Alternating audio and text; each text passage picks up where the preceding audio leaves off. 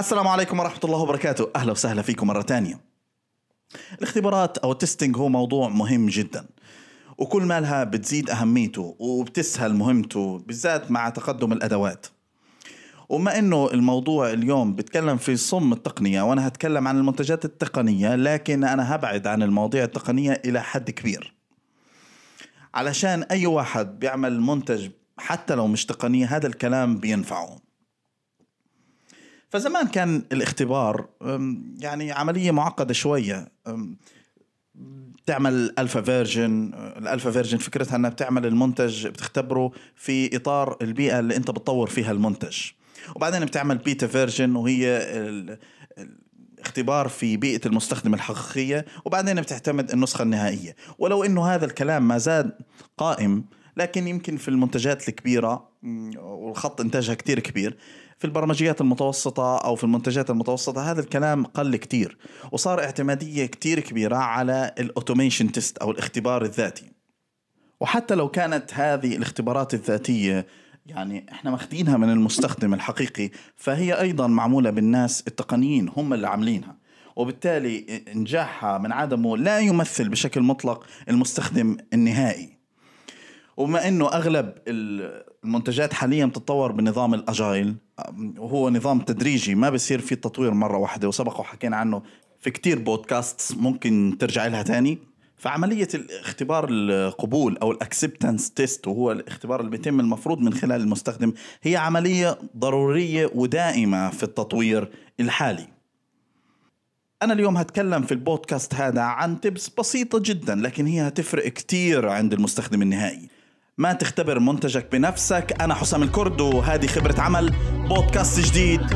يلا معنا.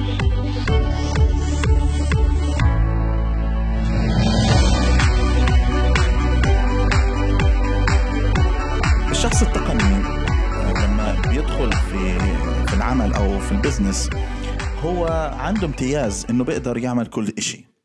فمعنى إذا كان هو بيملك startup أو هو بيشتغل على منتج هو قادر يعمل كل شيء بتطلبه البزنس بدون داعي ما يستعين بحدا.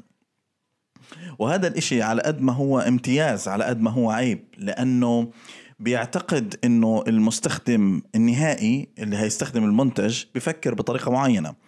هتلاقي ناس ما لهمش علاقة في عالم التقنية أو في البرمجيات أو في تطوير المنتجات التقنية ولكن بينجحوا نجاح باهر.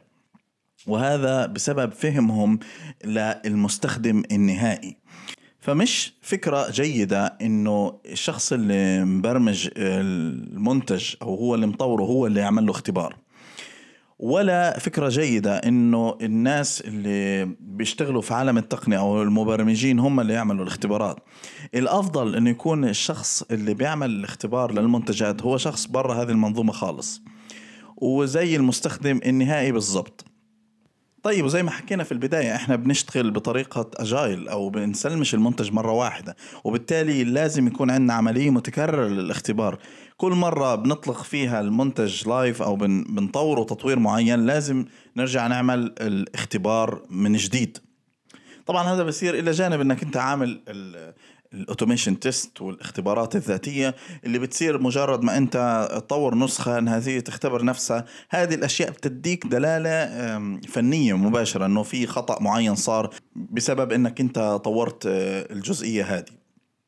ولكن كل مرة هنعمل فيه اختبار acceptance test أو اختبار القبول وهيتم من شخص خارج زي ما حكينا الناس اللي بيشتغلوا على المنتج كمطورين. وخارج آه، آه، آه، التقنية. أفضل يكون طبعا خارج التقنية. وبالتالي اللي هنعمله إنه هنعمل نقاط checklist ال checklist هذه لازم كل مرة بنطور فيها إشي على المنتج نمر عليها من أول وجديد. وهذا شيء أو practice بسيط جدا. لو عملته فعلا هيفرق كتير مع المستخدم النهائي. طب كيف نعين التشيك ليست أو هذه النقاط؟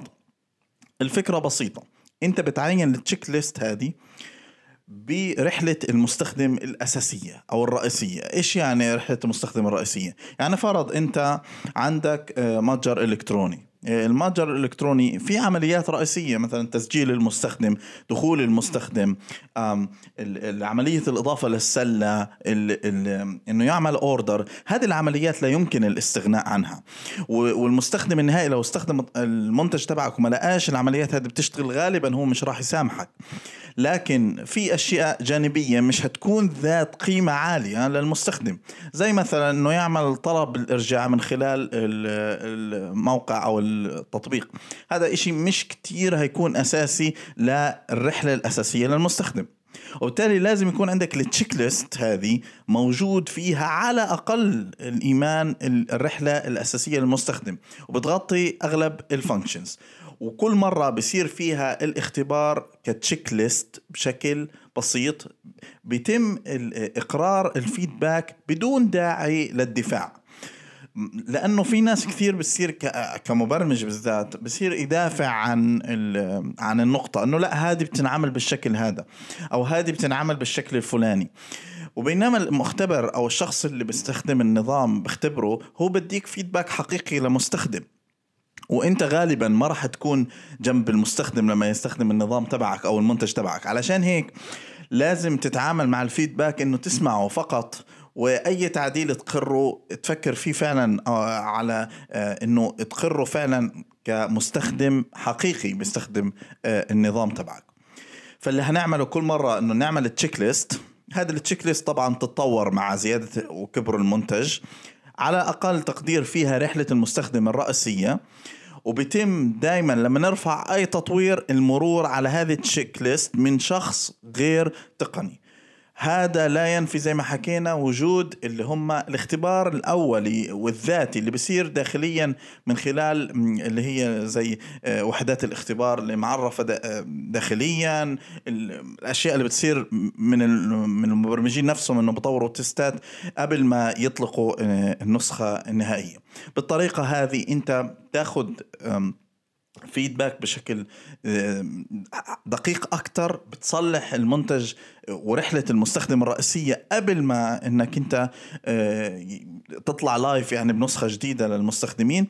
وغير هيك طبعا السماع للمستخدمين اللي هم بيستخدموا المنتج فعلا هو أمر مهم حتى لو أنت بتعمل كل ال process هذه. أكيد ال feedback اللي هيدوك إياه هو أغلى feedback هيكون حقيقي فعلا وبيصب في مصلحة آه، المنتج تبعك.